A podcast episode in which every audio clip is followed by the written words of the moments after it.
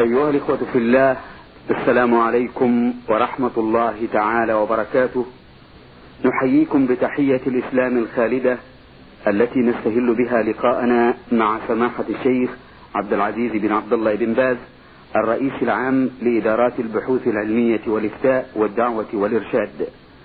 ويسعدنا أن نلتقي بسماحته وأن يكون ضيف لقائنا في هذه الحلقة الجديدة من برنامج نور على الدرب. الذي يتولى فيها سماحته الإجابة مشكورا على أسئلتكم واستفساراتكم.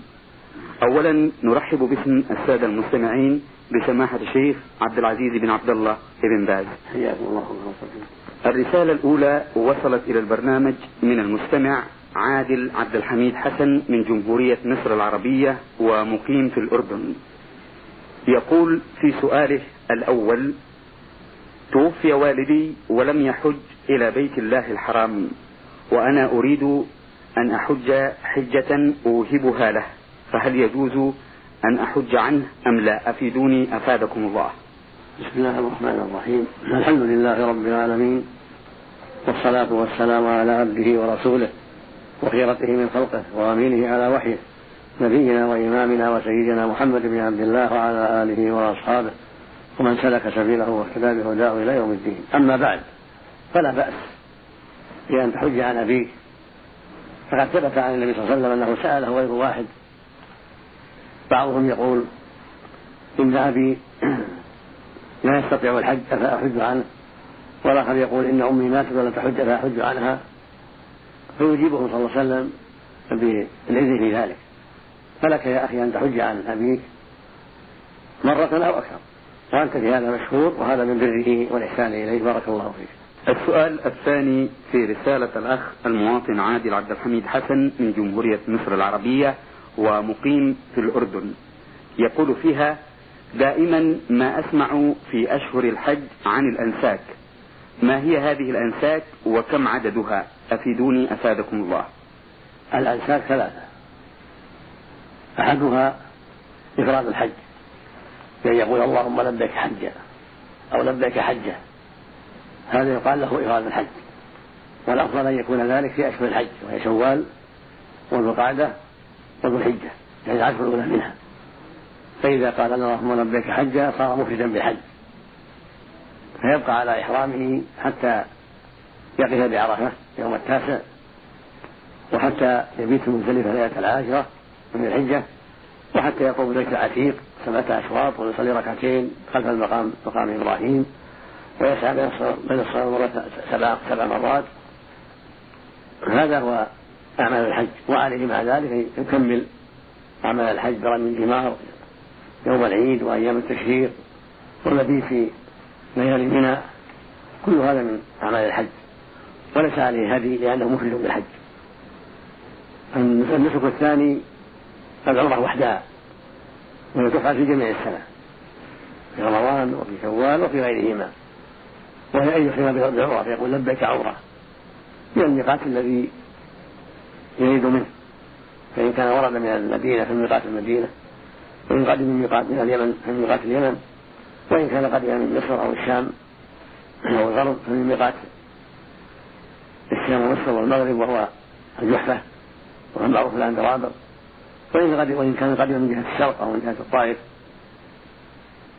فمن قرن وادي قرن ومن جهة العراق من ذات عرق فيلبي بالعمرة من هذه المواقيت التي يمر بها إذا مر على من هذه المواقيت يلبي بالعمرة من ذلك الميقات. يقول اللهم لبيك عمرة أو لبيك عمرة أو قد أوجبت عمرة. وهي الزيارة العمرة هي الزيارة للبيت بيت العتيق. فيلبي بالتلبية الشرعية كالحج سواء. لبيك اللهم لبيك لبيك لا شريك لك لبيك إن الحمد والنعمة لك والملك لا شريك لك. فإذا وصل إلى البيت العتيق طاف به سبعة أشواط وصلى ركعتين خلف المقام ثم سعى من الصلاة سبعة أشواط ثم قص من شعره أو حلقه. قصه أن يقطع أطراف الشعر في المقام يعمه في المفرام والحلقة أن يأخذه بالموسى أو بالمكينة التي تأكله كله. هذه العمرة. وهي في البيت العتيق في جميع السنة. النسك الثالث أن يجمع بينهما. بين الحج والعمرة جميعا فيقول اللهم لبيك عمرة وحجة. أو لبيك عمرة وحجة. أو اللهم قد أوجبت عمرة وحجة. هذا يقال له القرآن. وهو جاء بين العمرة والحج جميعا. وهناك صفة أخرى جاء بينهما وهي أن يلبي بالعمرة في أشهر الحج شوال أو ذي القعدة أو ذي الحجة. ثم يفرغ منها الطواف والسعي والتقصير.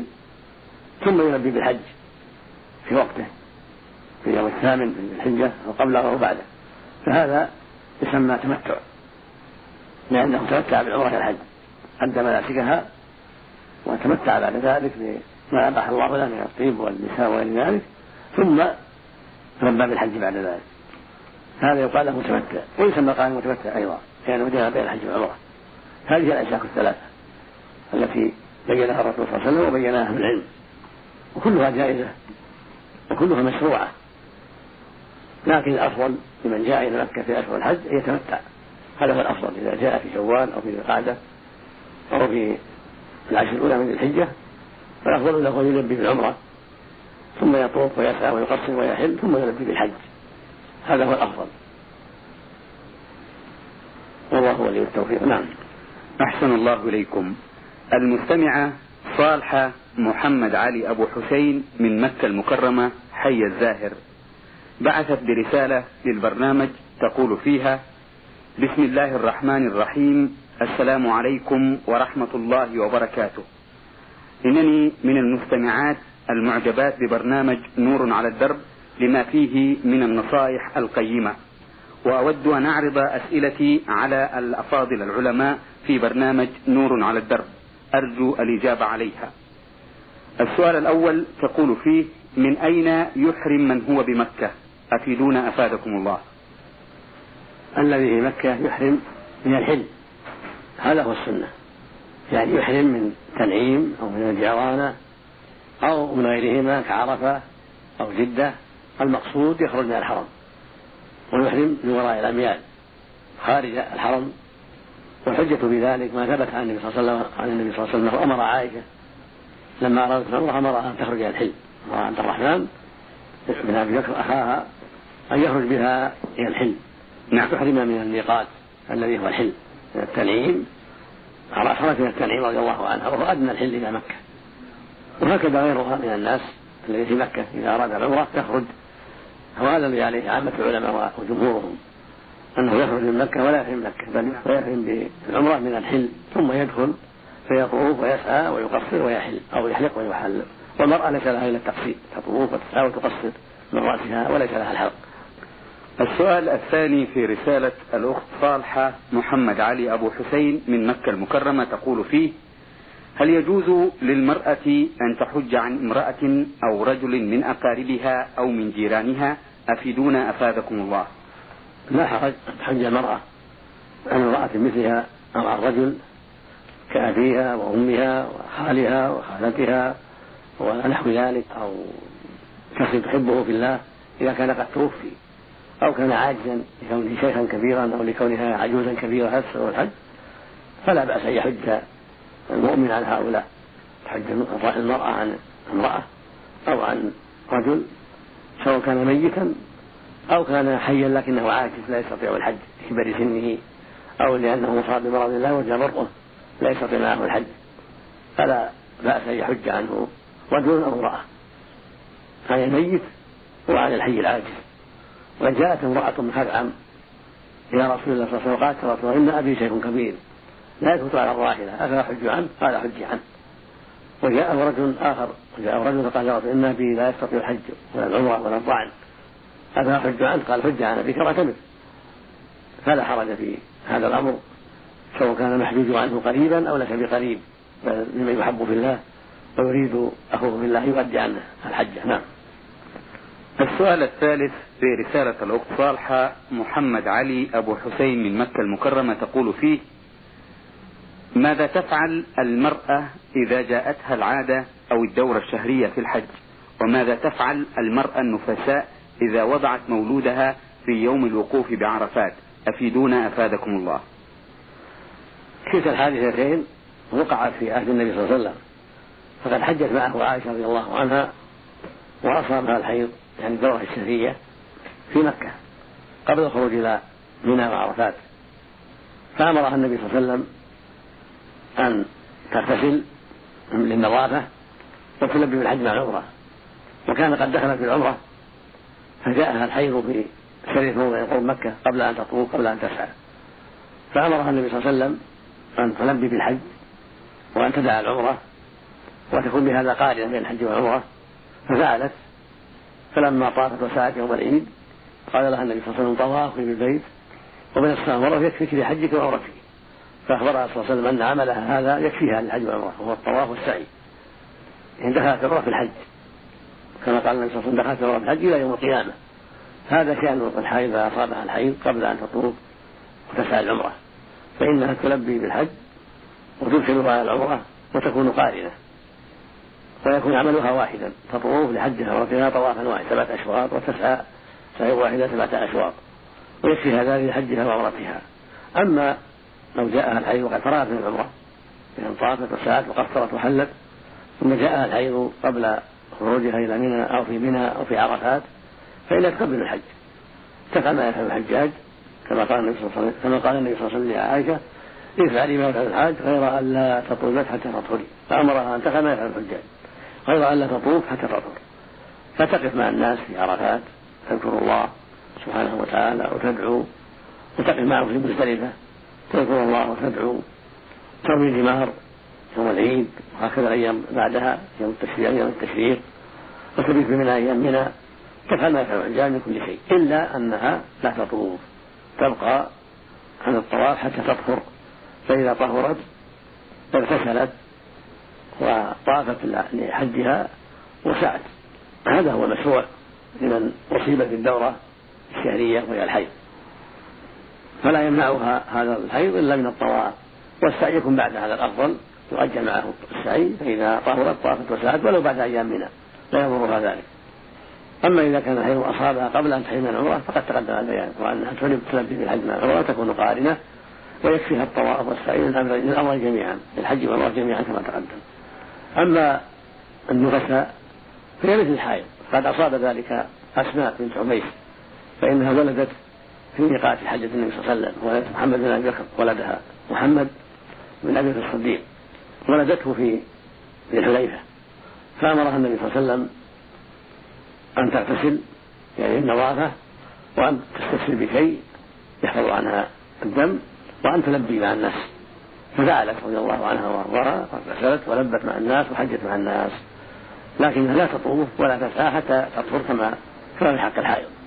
تفعل ما يفعل الحجاج من التلبية والذكر والوقوف بعرفة يوم التاسع والبيت مختلفه يوم العاشره ورمي الجمار يوم العيد وما بعده والمبيت من أيام منها كل هذا تفعله النفساء كالحائض وكالطاهرات. لكن يبقى عليها الطواف والسعي فإذا طهرت من نفاسها ولو بعد أيام منها بأيام تطوف وتسعى لحجها والحمد لله. كما فعلت أسماء بنت عميس بأمر النبي عليه الصلاة والسلام. أحسن الله إليكم. هذه رسالة وصلت إلى البرنامج من المستمع هشام محمد يوسف المصري من المدينة المنورة. يقول في رسالته وفي سؤاله الأول إذا اعتمر الإنسان في أشهر الحج ثم حج من عامه فهل يعتبر متمتعا ويلزمه دم حتى لو سافر بينهما؟ أفيدونا أفادكم الله. نعم إذا اعتمر المسلم في أشهر الحج شوال أو في قعدة أو في العشر من العجة ثم حج من عامه فإنه يسمى متمتعا ويعتبر متمتعا وعليه دم التمتع وهو سبع بدنة أو سبع بقرة أو ثني من الماعز أو جذع من الأضواء يذبح في مكة للفقراء ولا يأكل منه ويهدي منه. هذا هو الواجب عليه لكن إن سافر بينهما سفرا قصيرا فإنه لا يضر. هو السفر الذي لا تصار فيه الصلاة كضواحي مكة ونحوها لا لا يضر ولا يمنع من الدم. أما إن سافر سفرا تقصر فيه الصلاة كان سافر إلى المدينة أو إلى الطائف ونحو ذلك فهذا في خلاف بين العلم. بعض أهل العلم قال إنه يكون مفردا بالحج ويسقط عنه الدم لأنه سافر بينهما وأتى بحج مفرد. فذهب آخر من العلم إلى أنه لا يكون مفردا بل يكون متمتعا ولو سافر إلى المدينة أو إلى طائفا إلى غيرهما أو إلى جدة ونحو ذلك بل يكون باقيا على تمتعه وعليه الدم. وهذا هو الأرجح وهذا هو الأقرب لعموم الأدلة. لأن الله قال جل وعلا فمن تمتع بعمر الحج فما استيقن من هدي هذا العموم يدل على أنه ولو سافر بينهما عليه دم التمتع. وذهب جمع من أهل العلم أيضا إلى أنه إذا سافر إلى أهله ثم رجع بحج مفرد فإنه يسقط عنه الدم. وهذا ثابت عن عمر رضي الله عنه وابنه عبد الله. هذا يستثنى من العموم إذا سافر إلى أهل خاصة ثم رجع بحج مفرد فإنه يسقط عنه الدم عند الأكثر من أهل العلم. وذهب ابن عباس رضي الله عنهما إلى أن الدم على جميع من تمتع بعمر الحج ولو سافر إلى أهله أو إلى غير أهله مطلقا. ما دام أدى العمرة في أشهر الحج ثم حج من عامه فإن عليه الفدية والذي عليه جمهور العلم أنه إذا سافر إلى أهله ثم أتى بحج مفرد فإنه لا دم عليه وهذا هو الأقرب إن شاء الله. وإن بدا احتياطا كما قال ابن عباس رضي الله عنهما فهذا حسن. من باب دع ما يجيبك إلى ما لا يجيبك. أحسن الله إليكم. السؤال الثاني والأخير في رسالة المستمع هشام محمد يوسف المصري من المدينة المنورة. يقول فيه ما حكم من تجاوز الميقات دون إحرام؟ وماذا عليه أن يفعل حتى يكون حجه صحيح؟ أفيدونا أفادكم الله. إذا تجاوز المسلم الميقات من دون إحرام وهو مكلف بالغ عاقل هذا في التفصيل. إن كان أراد الحج أو العمرة فعليه أن يرجع إلى الميقات فيحرم منه. يعني الميقات الذي مر إن كان جاء من طريق المدينة هذا يرجع المدينة فيحرم من المدينة. وإن كان جاء من طريق الشام أو مصر ولم يأتي من طريق المدينة بل من جهة الساحل فإنه يحرم من الجحفة من رابع. وهكذا من جاء من اليمن يحرم من ميقات اليمن. ومن جاء من نجد والطائف ونحوها أحرم من ميقات الطائف. السيل وادي قرن. في قول النبي صلى الله عليه وسلم لما وقت المواقيت هن لهن ولمن أتى عليهن من غير أهلهن ممن أراد حج عمره فإن أحرم بعدما جاوزها ولم يعد إليها فعليه دم يذبح لمكة للفقراء. إذا جاوز الميقات بأن أتى من المدينة وجاوز ميقات المدينة وأحرم من جدة مثلا فإنه يحرم فإن عليه دما يذبح لمكة للفقراء والحاوي وهكذا لو أتى من الشام أو مصر ولم يحرم إلا من جدة وهو قاصد الحج والعمرة فإن عليه دما يذبح في مكة للفقراء والمحاوي أما إن كان حين مر الميقات ما قصد الحج والعمرة إنما جاء لحاجة للتجارة في مكة. أو لزيارة بعض أقاربه أو لأي غرض آخر ليس قصده الحج والعمرة فهذا لا يلزمه الإحرام على الصحيح من أقوال العلماء لا يلزمه الإحرام. ولكن يستحب له الحج بالعمرة لأن النبي عليه السلام قال هن لهن ولمن أتى عليهن من غير أهلهن ممن أراد الحج والعمرة فمفهوم ذلك أن الذي ما أراد الحج والعمرة ليس عليه إحرام. ويدل على هذا أيضا أنه صلى الله عليه وسلم لما دخل مكة لغزوها عام الفتح لم يحرم بل دخلها وعلى رأسه المغفر لأنه لم يأتي للحج ولا العمرة إنما أتى لافتتاحها وتطهيرها من الشرك. الله ولي التوفيق. نعم. أحسن الله إليكم. هذه رسالة وصلت إلى البرنامج من المستمع عبد الرحمن مولى بخش من الباكستان. يقول فيها ما هي الفوائد التي تعود على المسلم إذا أدى حج فرضه؟ وإذا تأخر عن أداء فريضته لعذر ما وأدركه الموت. فما الحكم في ذلك؟ هل يجوز لأحد أقاربه أن يؤدي عنه الفريضة في حالة وفاته؟ أفيدونا أفادكم الله. الفائدة العظيمة من أدى الحج أنه إذا أداه على وجه المشروع صار من أسباب دخوله الجنة ونجاته من النار ومن أسباب تكفير سيئاته.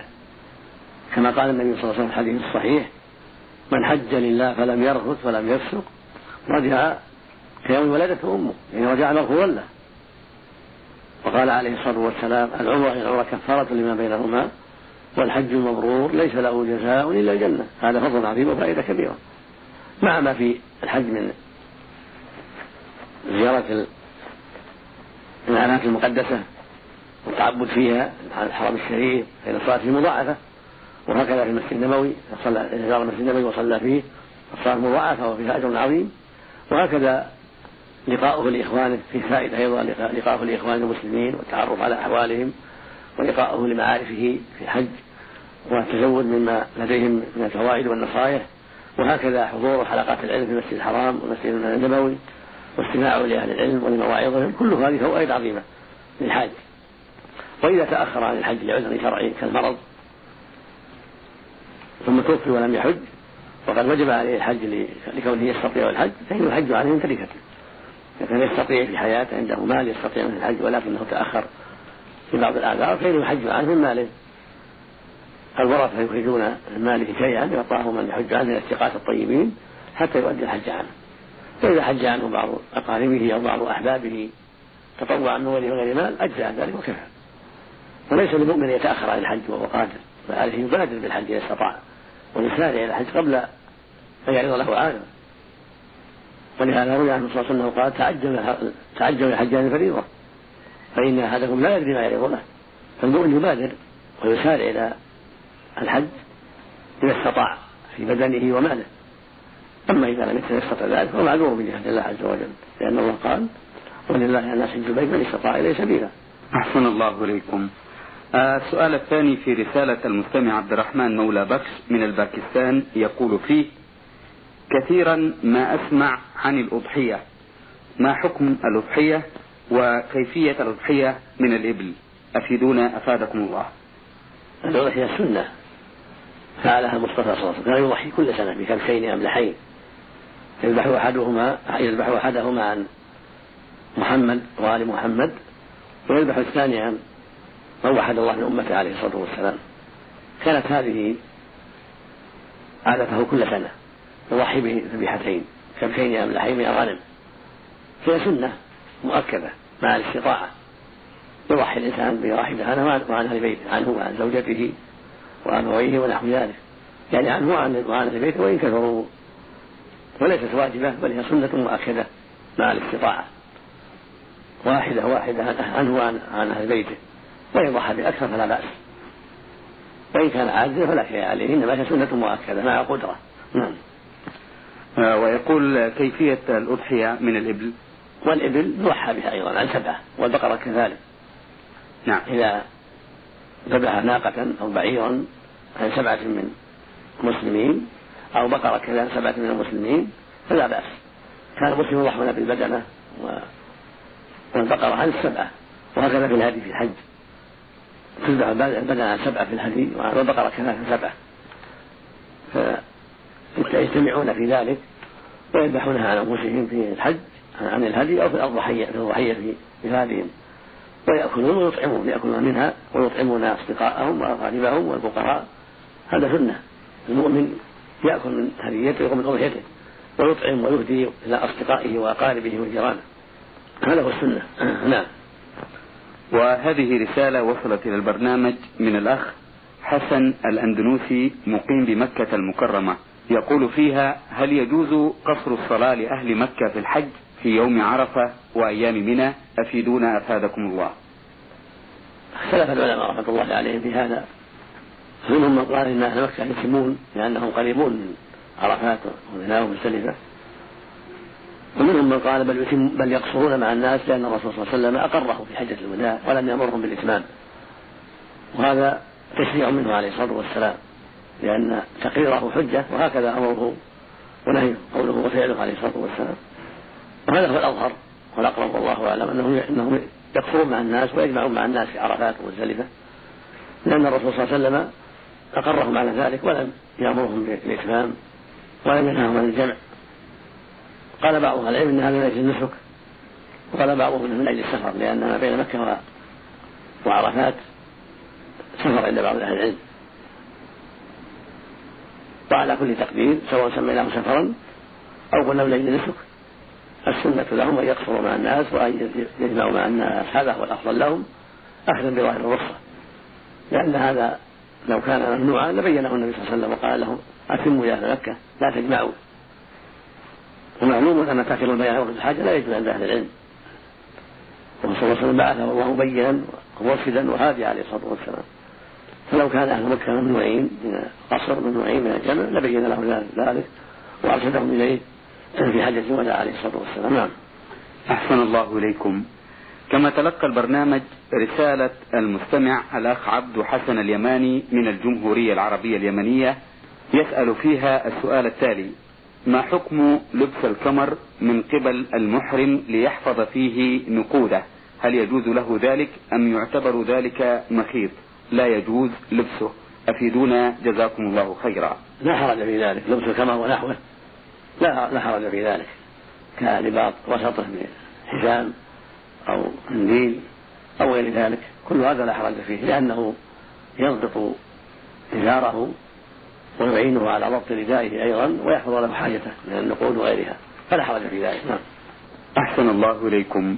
أيها الإخوة في الله باسمكم جميعا نشكر سماحة الشيخ عبد العزيز بن عبد الله بن باز الرئيس العام لإدارات البحوث العلمية والإفتاء والدعوة والإرشاد على هذا اللقاء في برنامج نور على الدرب الذي أجاب فيه سماحته مشكورا على أسئلة الإخوة المستمعين. المستمع عادل عبد الحميد حسن من جمهورية مصر العربية ومقيم في الأردن. المستمع صالح محمد علي أبو حسن من مكة المكرمة حي الزاهر. المستمع هشام محمد يوسف المصري من المدينة المنورة المستمع عبد الرحمن مولى بخش من الباكستان المستمع حسن الأندونوسي مقيم بمكة المكرمة وأخيرا رسالة المستمع عبد حسن اليماني من الجمهورية العربية اليمنية. أيها الإخوة الأكارم شكرا لكم على حسن إنصاتكم ومتابعتكم للبرنامج وإلى لقاء آخر إن شاء الله من لقاءات الخير والبركة والسلام عليكم ورحمة الله وبركاته.